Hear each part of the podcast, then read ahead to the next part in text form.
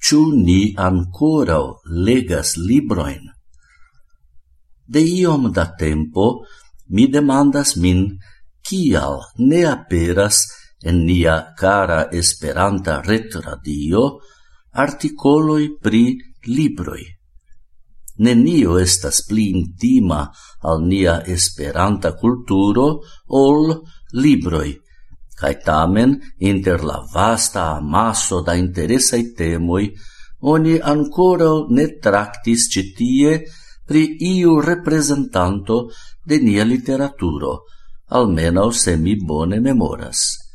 Ien mi do proponas hodiau citiun spezon de inauguro, cun la intenso de tempo al tempo occupigi pri aliai vercoi se tio interesas niain auscultantoin. Cai mi esperas che miei collegoi en la radio faru simile. Mi pensis pri tio antau nelonge, ciam mi finis la legadon de tre bona brosciuro, José Matias, de la Portugala classiculo Essa de Queiroz.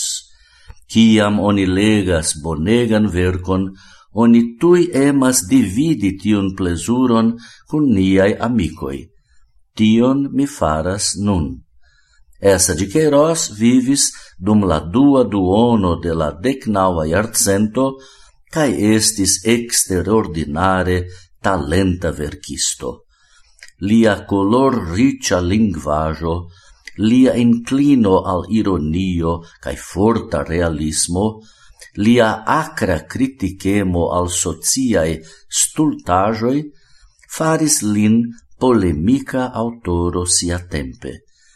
Li diplomigis kiel juristo ce la fama Universitato de Coimbro, cae laboris kiel advocato dum iom da tempo. Poste li sequis carrieron kiel diplomato en Cubo, Angluio, cae Franzuio.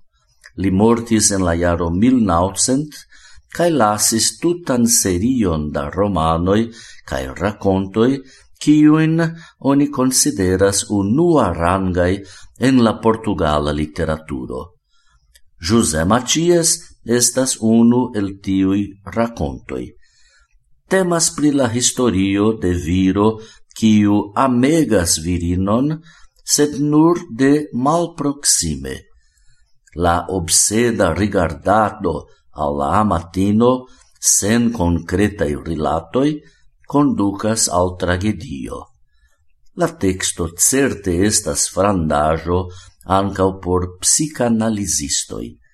Estas interesse observi kiel essa de Queiroz prescribis homan situacion shaine absurdan et misteran en tempo ciam la nocioi pri neconscio tui poste alportitai de freudo ancora ne existis. Artistoi foie intuizie anticipas tiaen conoin. La libretto estas eldonita du lingve, en la portugala cae esperante. La traduco estas tre bona, farita de la competenta veterano José Dias Pinto. La grafica aspecto estas agrabla, con charma bildo sur la covrilo, belai vignetoi cae pagiornamajoi. Mi gratulas al Asocio Esperantista de San Paulo, kiu nun tempe reactiviga sian eldonan facon post pluriara halto. Respondecas pritio precipe la entreprenema presidanto José Roberto Tenorio. Ni esperu che pliai tiai libroi eldonigiu, char, malgrau nia amo al interretai pagioi, ni ancora legas libroin.